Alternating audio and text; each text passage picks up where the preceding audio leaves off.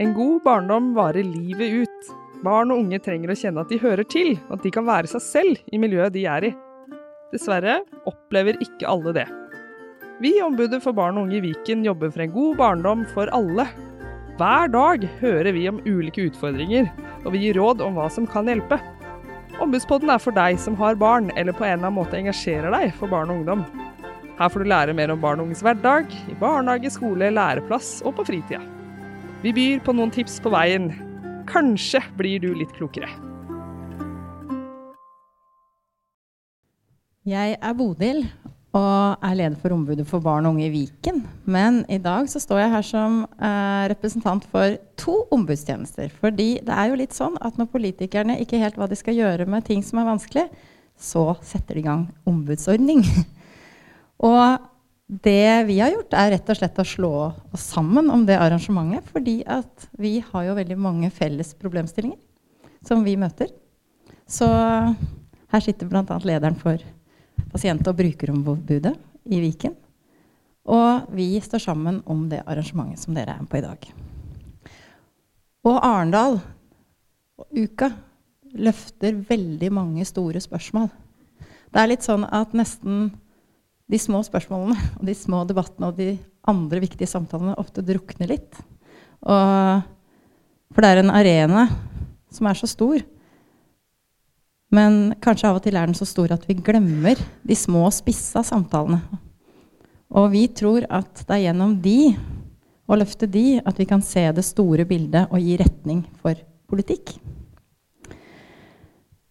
Og vi i ombudet, begge ombudsordningene, får henvendelser og ser at skjæringspunktet for ungdom og barn som lever ungdomstiden sin, både som elev og som pasient, forteller oss fra livet sitt. Og de det de forteller, gjør at vi ser at det er utfordringer i begge rollene, men også mellom rollene.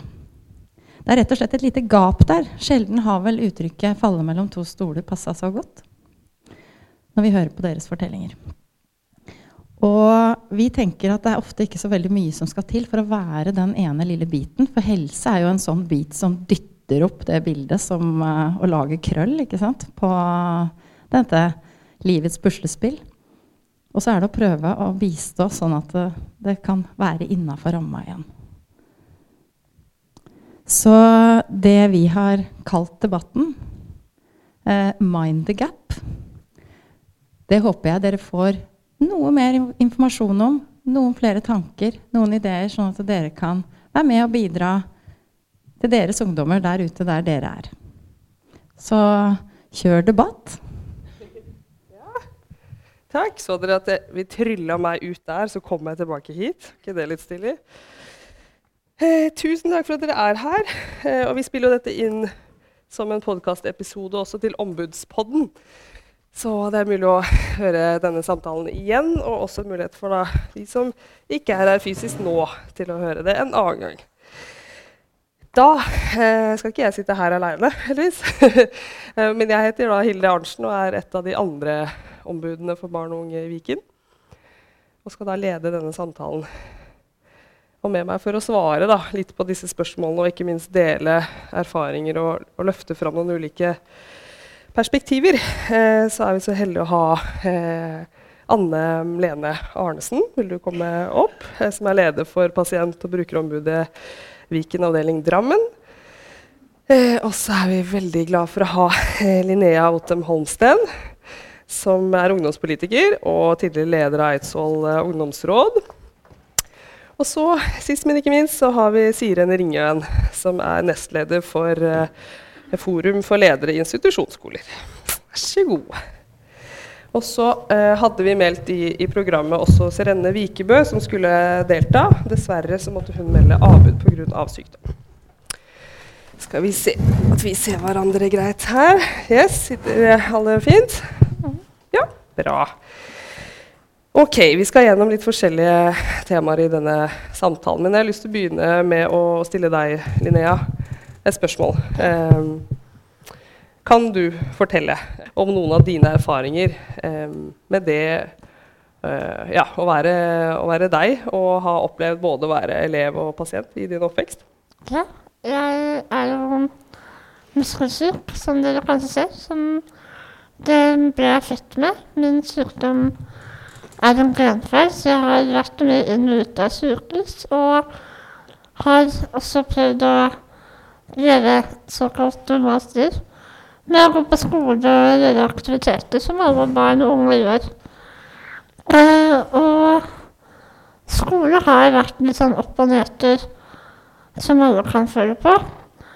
Men eh, når jeg var liten, så tilbringte jeg mer tid på sykehuset. Så da gikk jeg jo med glipp av timer som eh, kunne, jeg kunne vært der hvis jeg ikke hadde vært på sykehuset. Og dette har jo folk med meg oppover, så det har jo vært en sånn grunnmur som kanskje ikke jeg har så like støtt som jeg hadde hatt hvis jeg hadde fått med meg alle timene mine da, og fått den tilretteleggingen jeg hadde krav på, da. Mm. Men som ikke alltid var til stede. Mm.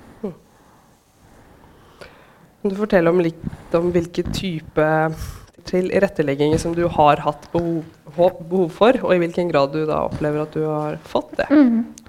Eh, jeg hadde rett, hadde rett på én til én time med en lærer. Mm. Eh, to ganger i uka til tre. I forskjellige fag jeg følte jeg trengte å dekke opp hullene mine i. da. Mm. Eh, og så vet jeg at læreren er en pressesituasjon med få lærere og lite tid til alle elever. Men når eh, dette er lett å dukke opp med mine lærere, da, som jeg har rett på, Ja. så kan jeg bli tatt fra disse rett utenom at noen tenkte på at å ja, Linnea trengte å bruke mye denne timen som alle andre. Mm. Så da ble det vanskelig for meg å holde tett opp med andre elever. Takk. Em, hos pasient- og brukerombudet, em, er dette den type erfaringer eh, eller henvendelser som dere får? Eh, kan du fortelle litt om det? Nei, altså Det beklagelige er jo at vi ikke får henvendelser. Eh, og da kunne vi jo eh, vi, som noen politikere har eh, tendens til, eh, tenke at da er det fint. Da er alt greit, alle får det de skal, og alle er fornøyd. Good. Eh, ombudene har gjennom mange års erfaring eh, lært seg til å tenke at da er det virkelig ille. Eh, når vi ikke hører noen ting, og alt er stille, så er det enten fordi folk ikke orker mer, fordi de er utslitte av alle prosessene rundt de, eller så er det fordi de ikke vet hvor de skal henvende seg for å få hjelp. Eh, så det er ikke betryggende at vi ikke har henvendelser. Og de få henvendelsene vi får inn, er jo da ofte fra foreldre som har Eh, sikkert sånn som dine foreldre har stått side om side med deg fra du var liten. Kjempet mange kamper eh, og eh, går liksom en sånn ørkenvandring av kamper. Eh, så når de tar kontakt med oss, så er de også slitne. De er det som kanskje helsetjenesten kaller eh, krevende eller vanskelige pårørende. Eh, fordi man er, har begynt å stille spørsmål ved ting, og man finner seg ikke i hva som helst lenger. Da får man stempelet 'krevende, vanskelige pårørende'. Eh, og det er det ofte noen spesielle som må håndtere, da, for de er så, de er så vanskelige. Og så glemmer også kanskje disse foreldrene at ungdommene får jo en helserettslig myndighetsalder ved 16. Så man skal plutselig være med og bestemme i sitt eget liv og ta noen viktige avgjørelser. Det er det ikke alle som er klar over, og foreldrene er kanskje vant med å kjøre det der sporet som de mener er viktig for, det, for sitt barn. Gode intensjoner, men koble ofte av ungen, eller ikke koble på.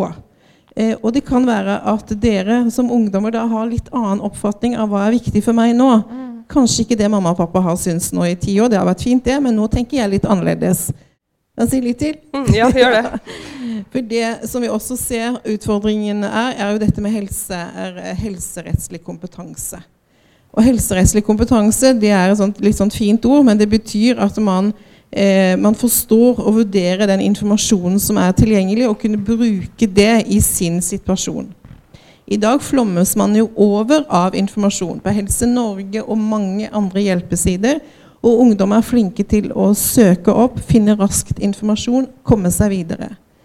Men poenget er jo at når disse rettighetene som står beskrevet så fint, når det ikke fungerer, da finner du ikke en side der det står Og hvis dette ikke går sånn som vi har forutsett, så kan du gjøre sånn og sånn.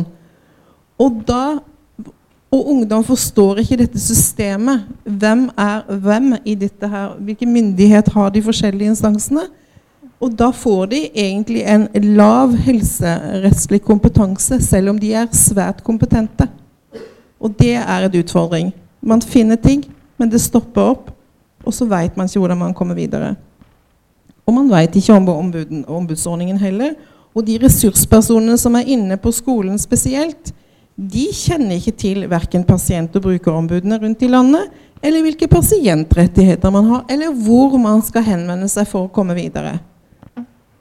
Så de som egentlig skal være litt advokater og jobbe, som jobber i det offentlige og skal veilede og hjelpe, de vet heller ikke. Så stopper det opp. Jeg stopper der, det. Ja, ja. Takk, Anne Helene. Um, og så er det jo da noen, uh, noen som jobber veldig direkte med mange elever som både er elever og pasienter. Og det er f.eks. dere i, som er SMI-skoler. Uh, vil du fortelle litt om, om, der hvor du jobber og har jobbet i mange år, men også uh, om det du representerer som nestleder med FLIS? Ja. Mange stilige forkortelser. Kan Det du kan fortelle jeg. om det? SMI det står for sosiale og medisinske institusjoner. Så det er når ungdom er innlagt på sykehus eller, er innlagt, eller tilhører en barnevernsinstitusjon, som er en sosial institusjon. Da er det fylkeskommunen sitt ansvar at de, å følge opp at de får sitt skoletilbud. Eh, og så jeg representerer egentlig fylket da, som en leder i SMI-skolen. Mm. Eh, og de på sykehuset, det, der skal det være mm, ikke kortvarige innleggelser, men det skal være lengre innleggelser eller gjentatte innleggelser. Da kommer vi på banen. Og så er det jo sånn at Hvert fylke da har en SMI-skole. Og, og, For en del år siden så starta vi da sånn en, forum for ledere i institusjonsskolene. Det er der FLIS kommer inn. Og Nå er det ca. 30 skoler som er der. og Vi samles en gang i året for å utveksle erfaring. Vi har kurs. så vi, i, I vår så hadde vi bl.a. Bodil der, som hadde et veldig godt kurs for oss. Der hun sa at eh, god vilje er ikke nok. Så vi fikk veldig mange gode tips der. For vi, Skolene er veldig forskjellige, og det kommer vi alltid til å være. Men det som er fokuset, er at elevene skal få et godt tilbud sånn, av oss. Det de trenger. Mm. Og hvordan jobber dere med å prøve å minske det gapet? da, på en måte? For Dere jobber både med utdanning og med helse, Vi jobber bare med utdanning. Vi er skole. ikke sant? Mm. Samtidig så er Ja. deres elever noen som har Alle har en behandler. Ja, Mm. I hvert fall blant de vi snakker om nå, som er elever. Nei, pasienter. Så det kommer inn under um, loven som er paragraf 13-3a, som handler om de som er innlagt på helseinstitusjoner. Ikke sant? Um, så det Altså skoler er forskjellige, men, men uh, min erfaring Jeg jobber jo mest i psykiatri, de som er kobla til psykiatri, Mm. men også noe somatikk. Og, og det jeg lærte for mange år siden, er at skal vi klare å hjelpe elevene best mulig, så må alle på banen. Da må alle hjelpe. Vi må ha godt samarbeid med helse og med alle ungdommen sine um, hjelpere. Om det kan være barnevern eller politi eller foreldre eller hvem det er. At alle jobber sammen. Da kan vi lykkes. Ikke sant? Mm. Og vil du fortelle litt om hvordan dere gjør det, litt sånn konkret? Det er jo noe som vi i ombudet også ser at kan være en sånn nøkkel. da, Å faktisk eh, koble på de instansene som er rundt en, et barn eh, fordi, eller en ungdom. Jeg tror Det finnes jo ingen fasitsvar, for hver sak er forskjellig. Ja.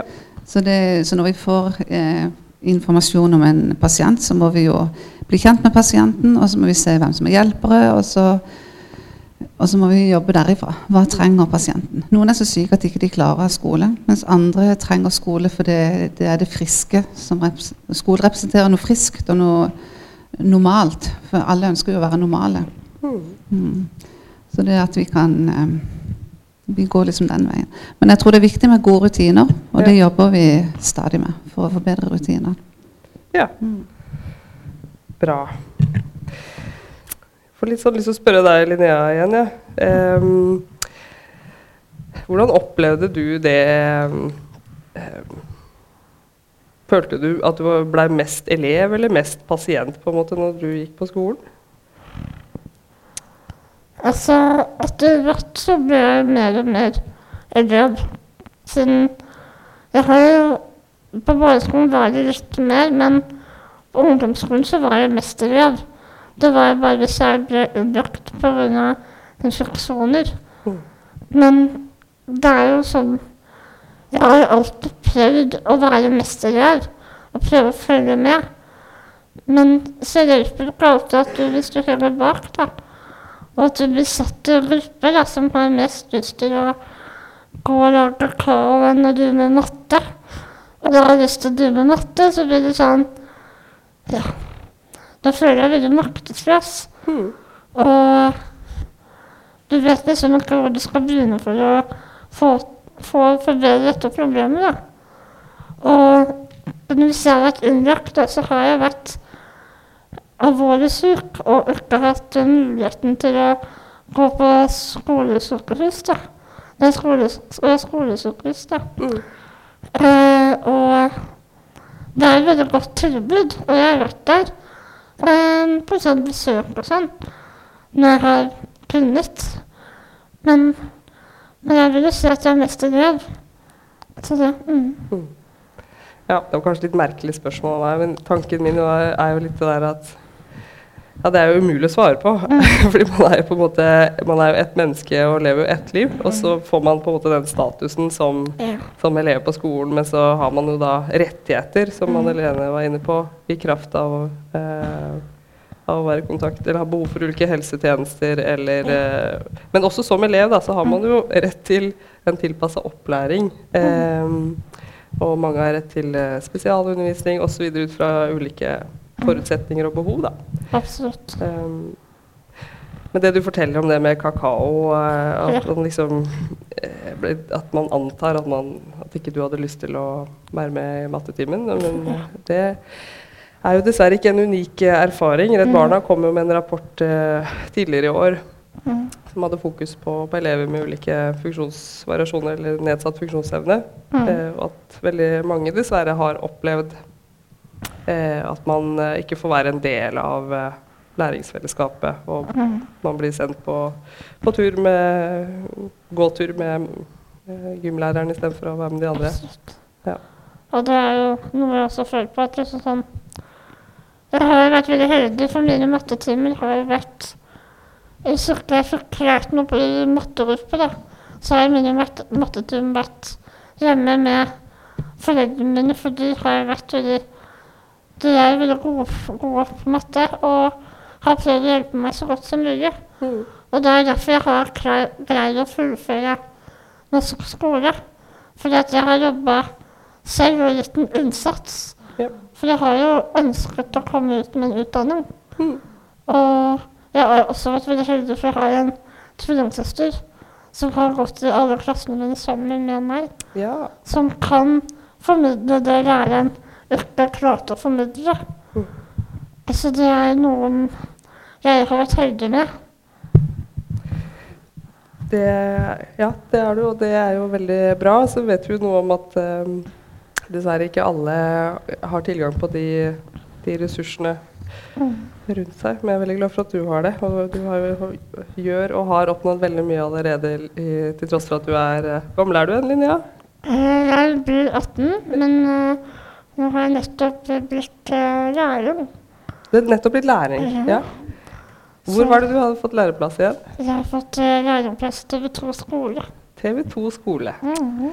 Så spennende. Det begynner jeg på mandag. Ja, så spennende. Ja. Bra. Hva vil du si, Anne Lene?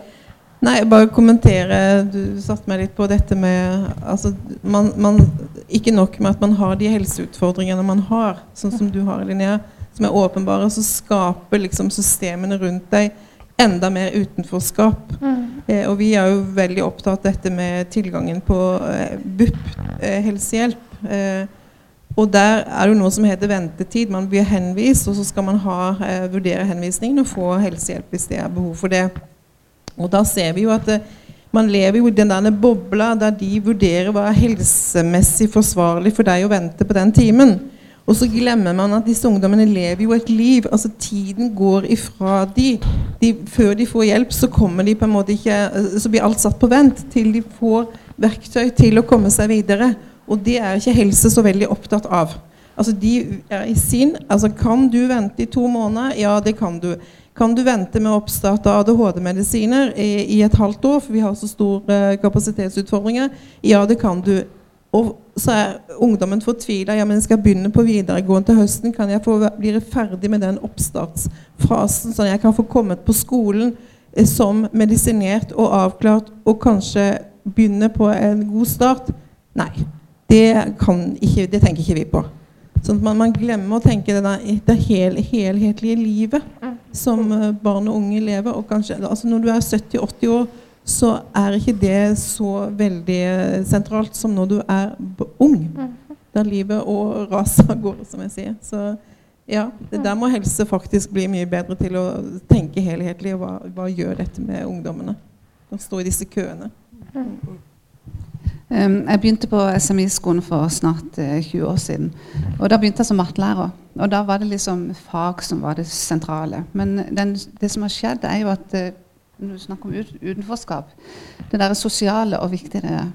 For det er jo også skolens oppdrag. Å gjøre mennesker til sosiale mennesker i samfunnet. Mm, så vi har fått mye mer fokus på å skape en sosial, eh, sosial kompetanseheving for våre elever. For vi ser at eh, mange av de har vært veldig isolert når de er mye på sykehus. Mm. Og de mister veldig mye av den sosiale utviklinga som er så viktig mm. for å, et, for å få et godt liv videre. Mm. Um, og, og, akkurat det har jo også Stine Sofie-senteret, som sikkert har veldig mye her i Arendalsuka. De har veldig fokus på lek. Ja. Og det å leke og ha det gøy sammen, for det skaper så veldig mye viktig læring og mye viktig utvikling hos uh, elevene. Ja. Mm. Ikke sant. Takk. Og man kan jo kanskje forstå at det må være noen rettigheter og noen på en måte temaer som er eh, spesifikt eh, medisinske, eller som er knytta til, til, helserettslige ting, og noe annet som handler om utdanning og læring og alt det der. Men så er jo det skillet litt eh, kunstig, da. All den tid vi er ja, mennesker som lever i egen kropp. Men jeg vet at du, Anne Lene, har eh, ja, Kan du fortelle litt om hva du tenker om direktoratene og, og samarbeid og sånn der? Veldig ledende spørsmål. Nei, nå er vi litt på løsningen, da. Hvis ja. Du, hvis du, ja, det kan vi godt. Men bare, bare, også en kort kommentar til det du sa med um, altså, Helse er kanskje litt mer styrt og regulert, men på, på, utdanning så Du var jo litt inne på det. altså I barneskolen så er det kommunen som har ansvaret. Og så er det delegert til rektorene. Eh, og en rektor så snekrer man liksom sammen noen sånne lokale løsninger. Det er en rektor syns at det kan være greit hos oss, men en annen rektor er ikke så opptatt av den helsesituasjonen og syns at her kan vi eh, droppe litt av den tilrettelegginga som du egentlig har krav på. Sånn. Det gjør jo at man, man, Det er veldig forskjellig. Og så er man plutselig over, så er det fylkeskommunen. Og, altså, bare prøv å få, Tenk sjøl hva er forskjellen på kommune, fylkeskommune og stat. Altså, Vi sitter jo her en hel gjeng, og det er jo ikke sikkert vi har uh, peiling på det sjøl heller. Og hva er med statsforvalterne oppi dette her, da? Uh, hvem, hvem, er de? Uh, og, og, hva med direktoratene, som det er flere av? Hva med de? så det er, og det er så nede i dette her kaoset så sitter det en elev som skal Eh, og, som er sjuk, og så skal komme seg gjennom og leve et tilnærmet normalt liv. Men løsningen Du har litt på det, da. så Vi må jo prøve, vi kan ikke bare mase på utfordringsbildet og, og tyte om det. Vi må tenke hva, hva kan gjøres. Og Vi har jo veldig god erfaring med samarbeidet med ung.no. Det er en eh, side som ungdom bruker mye og mer og mer, og stiller eh, vanvittig vanskelige spørsmål. Altså Det må vi si vi er imponert over eh, hvordan de klarer å formulere utfordringsbildet sitt. Eh, og da er pasient- og brukerombudene eh, med på å utforme svarene til ungdommene, sånn at de får eh, svar på det de spør om. Det er en god arena. Den må vi holde veldig fast på. Eh, og så tenker jeg også at man må gi informasjon om de situasjonene som det ikke går greit. Hva gjør du da? Hvor kan du henvende deg, og hva er rettighetene dine når ting ikke er sånn som du egentlig skal ha krav på. Og så bør jo disse her direktoratene samsnakke og lage kanskje noen er gode på å være veiledere, hvert på sitt. Men hva med å sette seg sammen, disse aktuelle direktoratene, og lage en eh, guideline for de som står ute i felten og som skal få dette til å fungere? Som de kan slå opp og si jo her sier Utdanningsdirektoratet sier det, eh, Helsedirektoratet sier det, og dette skal vi gjøre sammen. Og vi kan gjøre det sånn og sånn. Det er altfor eh, fragmentert i dag. Og så bør tilsynene også altså Jeg har til gode, jeg har jobbet hos Statsforvalteren i mange år. Jeg har til gode å se at det setter seg ned to avdelinger i én sak. Og ser hvordan skal vi avgjøre denne saken. Det er om å gjøre å få skyfla den over eh, gangen eh, til utdanning hvis vi ser spor av det.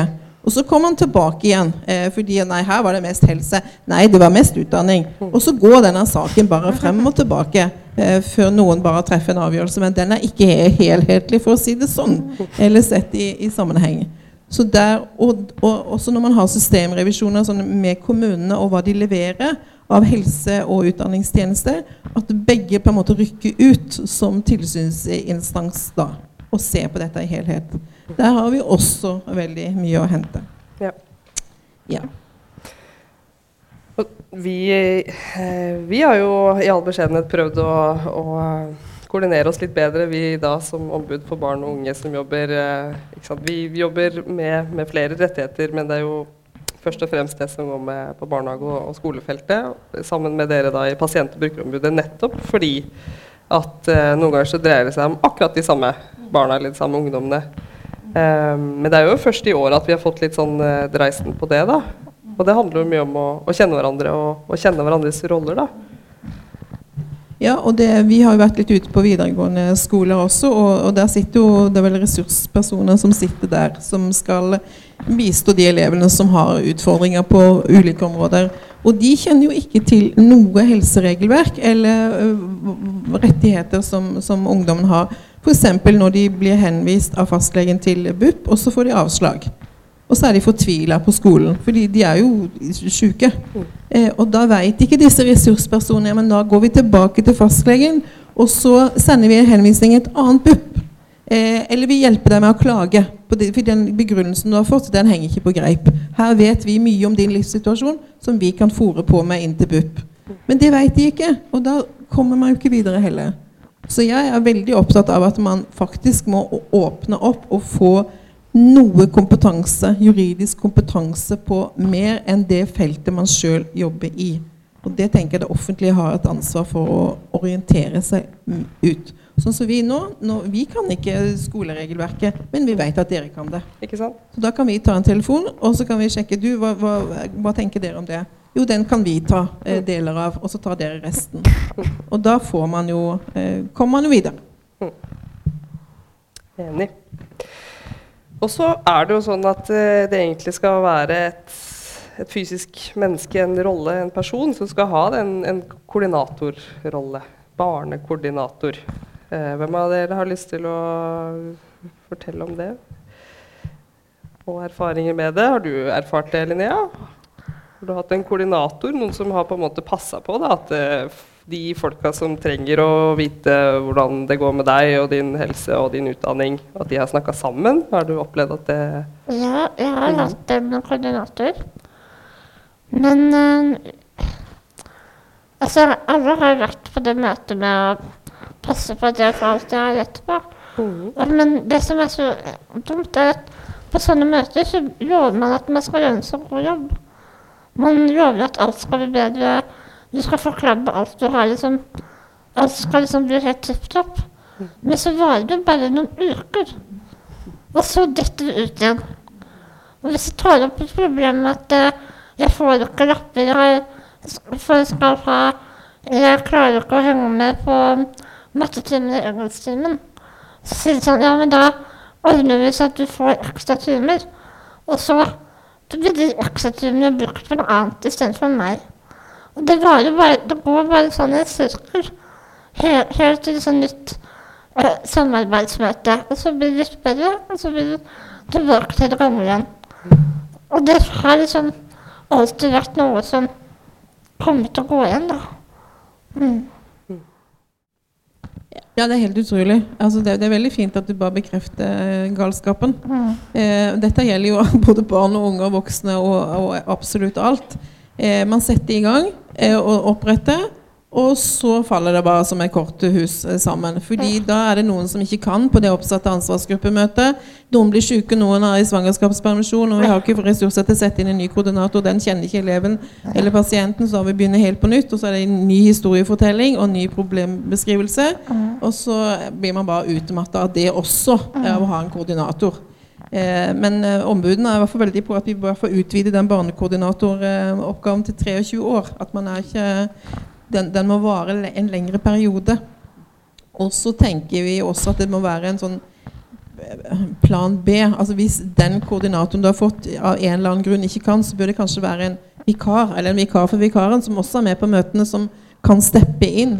For nå er det veldig skjørt og veldig sårbart. Og det, ja, jeg tror ikke det er en, eh, en som kan si at jo, dette her syns jeg har vært gitt meg kontinuitet og trygghet og avlasta foreldrene mine godt. Nei, de har fått ekstraarbeid med den koordinatoren. Så det ser vi også med individuell plan. Man har rett på det. Ja, fine greier. Fungerer jo dessverre ikke. Nei, og så blir man ikke oppgitt også for at man prøver så hardt å forklare hva som kan bli bedre. Og lærerne sitter liksom og forstår, og alle forstår. Og det er liksom Man blir matt til slutt også. Um, moren min er jo med på alle disse møter, så hun ser jo liksom dette utenfra også. Uh, og jeg skjønner at alle blir oppgitt, og jeg blir oppgitt, jeg òg. Så jeg bare det er litt sånn verden er også. Så jeg håper at, uh, at det kan bli bedre, da. Mm. Til neste elev. Men under meg så vet jeg at det, da må det noen krav, eller noen grep til, da. Mm. Det må noen grep til. Og um, vi i ombudene er jo med på å prøve å løfte fram disse utfordringene, bl.a. med dette arrangementet. Fordi, ja Siren, du nevnte det med at god vilje er ikke nok, eh, refererte du til. Men ja, ja, ikke sant? Hva tenker du? Jeg har jo ja. vært på veldig mange ansvarsgruppemøter opp igjennom med koordinator. og Jeg har jo også den erfaringa dere har. Men samtidig har jeg også sett noen koordinator som fungerer veldig fint. Ja. Spesielt for de ungdommene som er over 18 år, så der foreldrene mer trekker seg unna. At det er noen som kan hjelpe dem til å holde i trådene. Og, mm. Og også slitne foreldre, at noen kan hjelpe dem. Mm. Heldigvis. Ja. Men de får kanskje ikke dere i ombudet høre så mye om. Nei, vi er jo ikke ombud for de, de gode, de, de, de, for det som fungerer. Sånn, sånn er det jo med å være et ombud. Men, men, men det er noe med, altså, og da blir jo forskjelligheten også, for det er det noen som sitter med en god koordinatorordning som, som fungerer som det skal, og så er det Blir noen det som så blir det veldig urettferdig avhengig av hvilke kommuner man bor i, og hvem man støter på eh, gjennom den reisen. Eh, så så det, vi, vi kan ikke ha det sånn at det er personavhengig og tilfeldig. Eh, og Noen kommuner satser jo mye på det og legger, investerer i det, mens andre eh, salderer det. Eh, og, og det går jo utover den enkelte som, som trenger den hjelpa. Mm. Det er egentlig, det er egentlig en enkelt, eh, et enkelt virkemiddel som, som avhjelper mye. Mm. Så hvorfor satser man ikke maks inn på det? Mm. Veldig rart. Så det er en av de konkrete løsningene som vi ønsker å peke på. Styrke barnekoordinatorrollene. Hå- Håper vi at eh, noen politikere får med seg det. Er det andre løsninger, eh, andre gode grep man kan ta for å minske dette gapet mellom det å være elev og pasient? Hva ville ja, hva kunne blitt bedre Eller du har jo sagt allerede, Linnea, hva som kunne blitt gjort bedre. Men er det noen ting som har fungert veldig bra, som du tenker at ja, vi må bare gjøre mer av det? Ja. Fungert bra. Det, det er det at lærerne først og fremst må ha litt tro på eleven også. Jeg har også foreldre som klager og sånn, men jeg har møtt lærere som ser ned på meg og tenker at ja, men hun kan jo ikke gjøre dette, for hun er jo syk. Mm. Og det er sånn Da må jeg bevise at dette kan jeg selvfølgelig. Men han må bare ha hjelp. Eh, og noen lærere er helt toppes. Mm. Eh, strekker ut en hånd hvis jeg trenger hjelp. Og eh, tenker ikke noe på sykdommen. Og jeg bare fullt ut at dette klarer jeg, på en måte. Mm. Så jeg tror det er noe med innstilling og holdninger også. Og så er det jo selvfølgelig liksom Man må møte på den rette læreren, og det er jo kanskje litt eh, noen, At man må møte på den rette læreren, det kan jo være sånn eh, flaks også. Så mm, man må ha litt flaks. Mm. sant? Takk. Ja.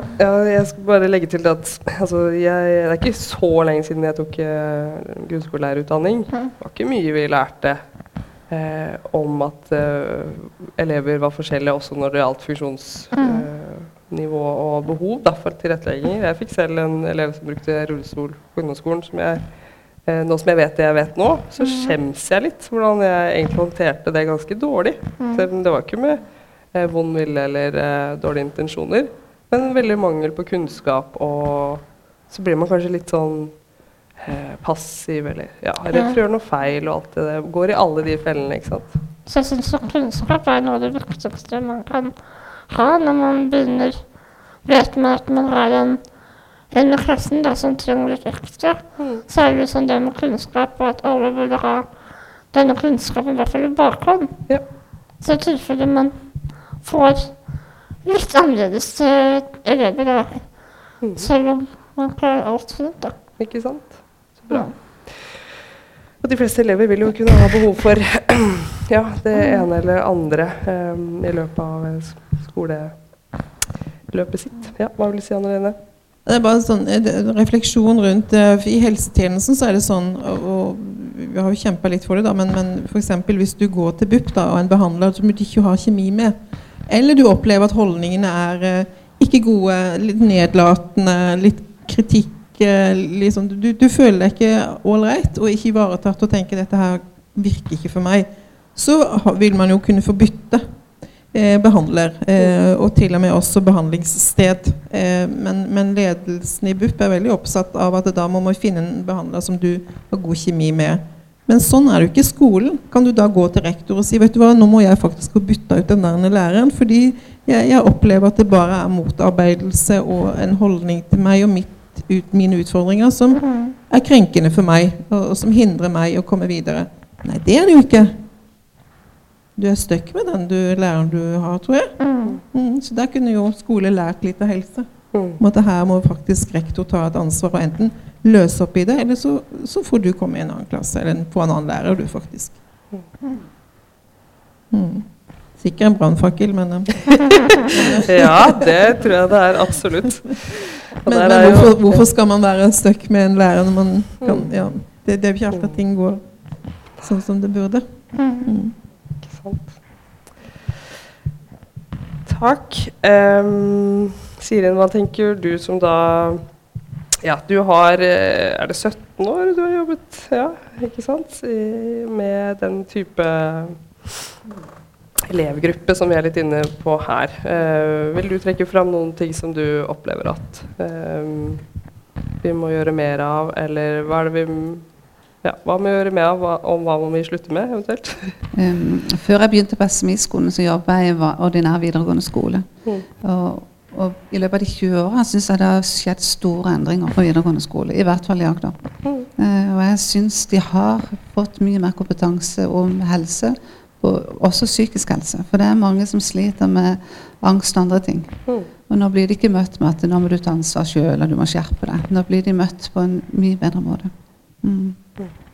Så, så jeg ser jo at en del av de elevene vi fikk for 15 år siden, de klarer nå videregående ordinært å ta seg. Mm. De finner mer eh, sånn tilrettelegginger, de trenger ikke å ta full skole, de kan bli deltidselever. Altså det fins mange løsninger. Mm. Ja, så du opplever at det har blitt eh, bedre, og at kompetansen da hos lærerne har blitt større? Jeg håper det. I hvert fall hos mange. Ikke hos alle, men hos Ja. mange. Så jeg har sett en god utvikling. Mm. Så bra. Så den må vi styrke videre, åpenbart. Det opplever vi i ombudet også. Dette med at eh, de aller fleste som jobber med barn og unge, ønsker jo egentlig å gjøre en aller best mulig jobb. Eh, fælt oss som står opp og tenker at nå skal jeg jammen meg krenke en elev i dag. Eh, men mangel på kunnskap, mangel på erfaring og mangel på da støtte kanskje i apparatene rundt, mangel på ledelse, Opplever at en del eh, står veldig aleine i det. da. Og det er jo skoleeieransvar. Så vi prøver jo å sperke oppover, holdt jeg på å si, ansvarliggjøre de som har ansvar. Og bare en liten replikk til det. Hvis noen lærere krenker en elev, så har vi jo paragraf 9a. Mm. Der det skal meldes til skoleeier. For sånn kan vi ikke ha det. Sånn kan vi ikke ha det. Men får du ny lærer, da? Ja, det, det de er forplikta til å gjøre noe. Ja, ja det er bra. Og da, da må de gjøre noe. Men, men et spørsmål til deg eh, som jeg tenkte på. for nå, Det har jo vært en lang reise for spesialisthelsetjenesten. De sitter jo ofte isolert og inne på sine kontor. Men så har vi fått disse FACT-timene der de må ta på seg skoene og gå ut. Eh, både hjemme og der som, som barn og unge og, og voksne også er. Får dere eh, veiledning fra spesialisthelsetjenesten sånn regelmessig, eh, generelt og i enkeltsaker på å forstå utfordringsbildet og bli bedre på, på det? Ja, det, det er en av våre forventninger til de elevene vi tar imot, at de har en kontakt i helse som kan veilede oss. For det trenger vi. Vi er bare lærere, sier jeg, så vi må ha veiledning av helse som kjenner eleven. Mm. Og så er det jo litt sånn forskjellig hva en får, da. ja, ja, det er det. det, er det. Men, men som, gjennom disse fakttimene så opplever vi iallfall at det blir en mer nærhet ute. Eh, Ja, men eh, i Kristiansand så har det alltid vært en sånn en, vi kaller det for ABUP, da, barn- og ungdomspsykiatrien, som en av avdelingene som har hatt sånn ambulerende tjeneste, som har vært ute. De møter elevene andre steder enn på et kontor. Mm. jeg tror det er en løsning. Ja. Så bra. Så det er egentlig mye ting som, eh, som kan fungere bra, som egentlig på papiret skulle tilsi at dette ikke var egentlig en så stor utfordring. Men så vet vi jo da at, eh, at det er en vei å gå før vi klarer å minske det gapet. Nå skal ikke jeg prøve å oppsummere dette, for det skal Bodil gjøre ganske straks. Men jeg har lyst til å spørre dere om det er noen siste ting dere har lyst til å si. Jeg har lyst til å si Linné, at TV 2 skole er veldig heldig som får deg. da. Ja, takk. Nei, altså Det eneste jeg har lyst til å si, er at, at uh, nå har jeg opplevd mye positivt i skolen også. Det har jo ikke blitt akkurat tatt fram her. Men eh, Og så har jeg opplevd litt negative ting også. Men som oftest så er det sånn Jeg har vært heldig med mine lærere også, så er det noen som har vært eh, litt mindre heldig med. Og det er alltid opp- og nedturer. Men eh, jeg har valgt å fokusere på det positive. Og komme meg gjennom skolen. Og det er jeg veldig fornøyd med at jeg har klart. Nå har jeg to år igjen, så har jeg en utdanning. Og det er jeg veldig fornøyd med at de lærerne som ikke trodde at det kom til å skje, nå er jeg bevist det motsatte. Og at jeg står med en god og fullverdig utdanning. Jeg tror vi lar det være siste gode, kloke, viktige ord. Tusen takk for at dere snakka med meg om det her. Da skal vi eh, gå ned, og så skal Bodil få avslutte med å oppsummere litt fra dette arrangementet. Tusen takk. Takk.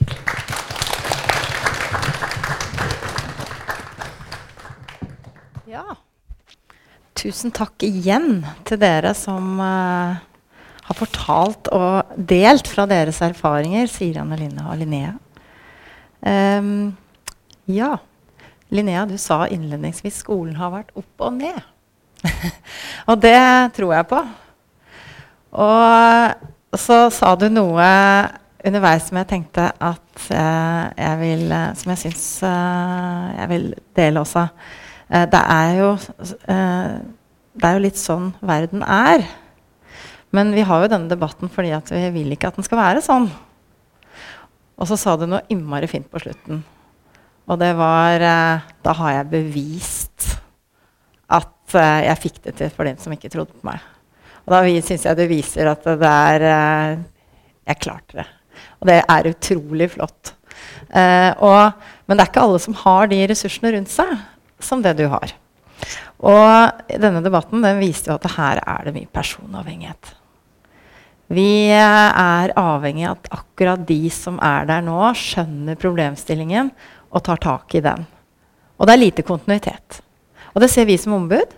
Eh, og så ser vi det at den derre samsnakket, det blir dårlig. Eh, jeg har vært heldig som har hatt foreldre som er gode i matte. Jeg var på en debatt her tidligere som handla om sosiale ulikheter. Og, til, og, i alle sammenhenger så ser vi det at uh, det å ha foreldre med store ressurser, det gir, uh, det gir et lykkekort på livets vei. Og det vi snakker for her også, og som er vår, oss som ombud sin uh, oppgave, er å løfte de, også de stemmene som ikke har de ressursene rundt seg.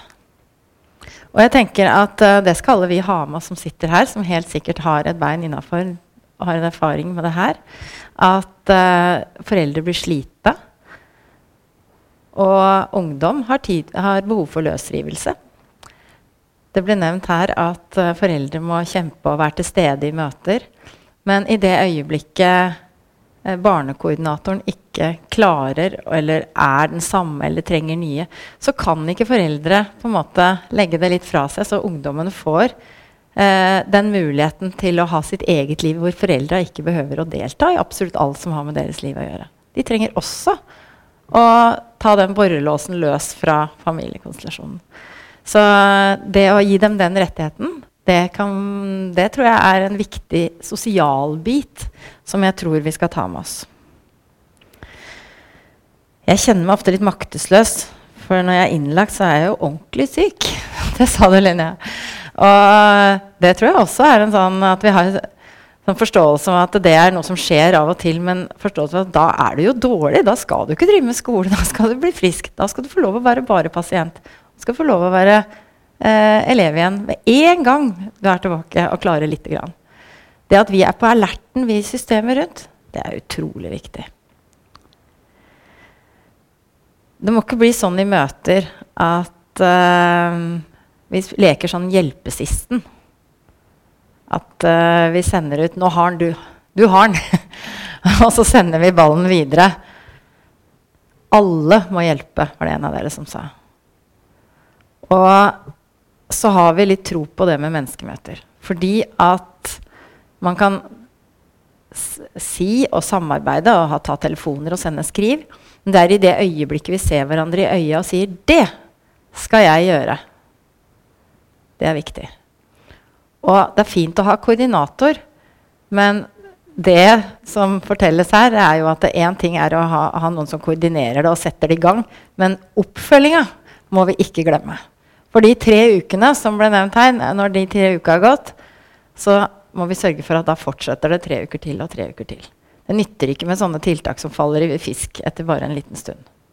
Så vi må huske på at vi skal opprettholde tiltakene og at barnekoordinatoren også har ansvar for det.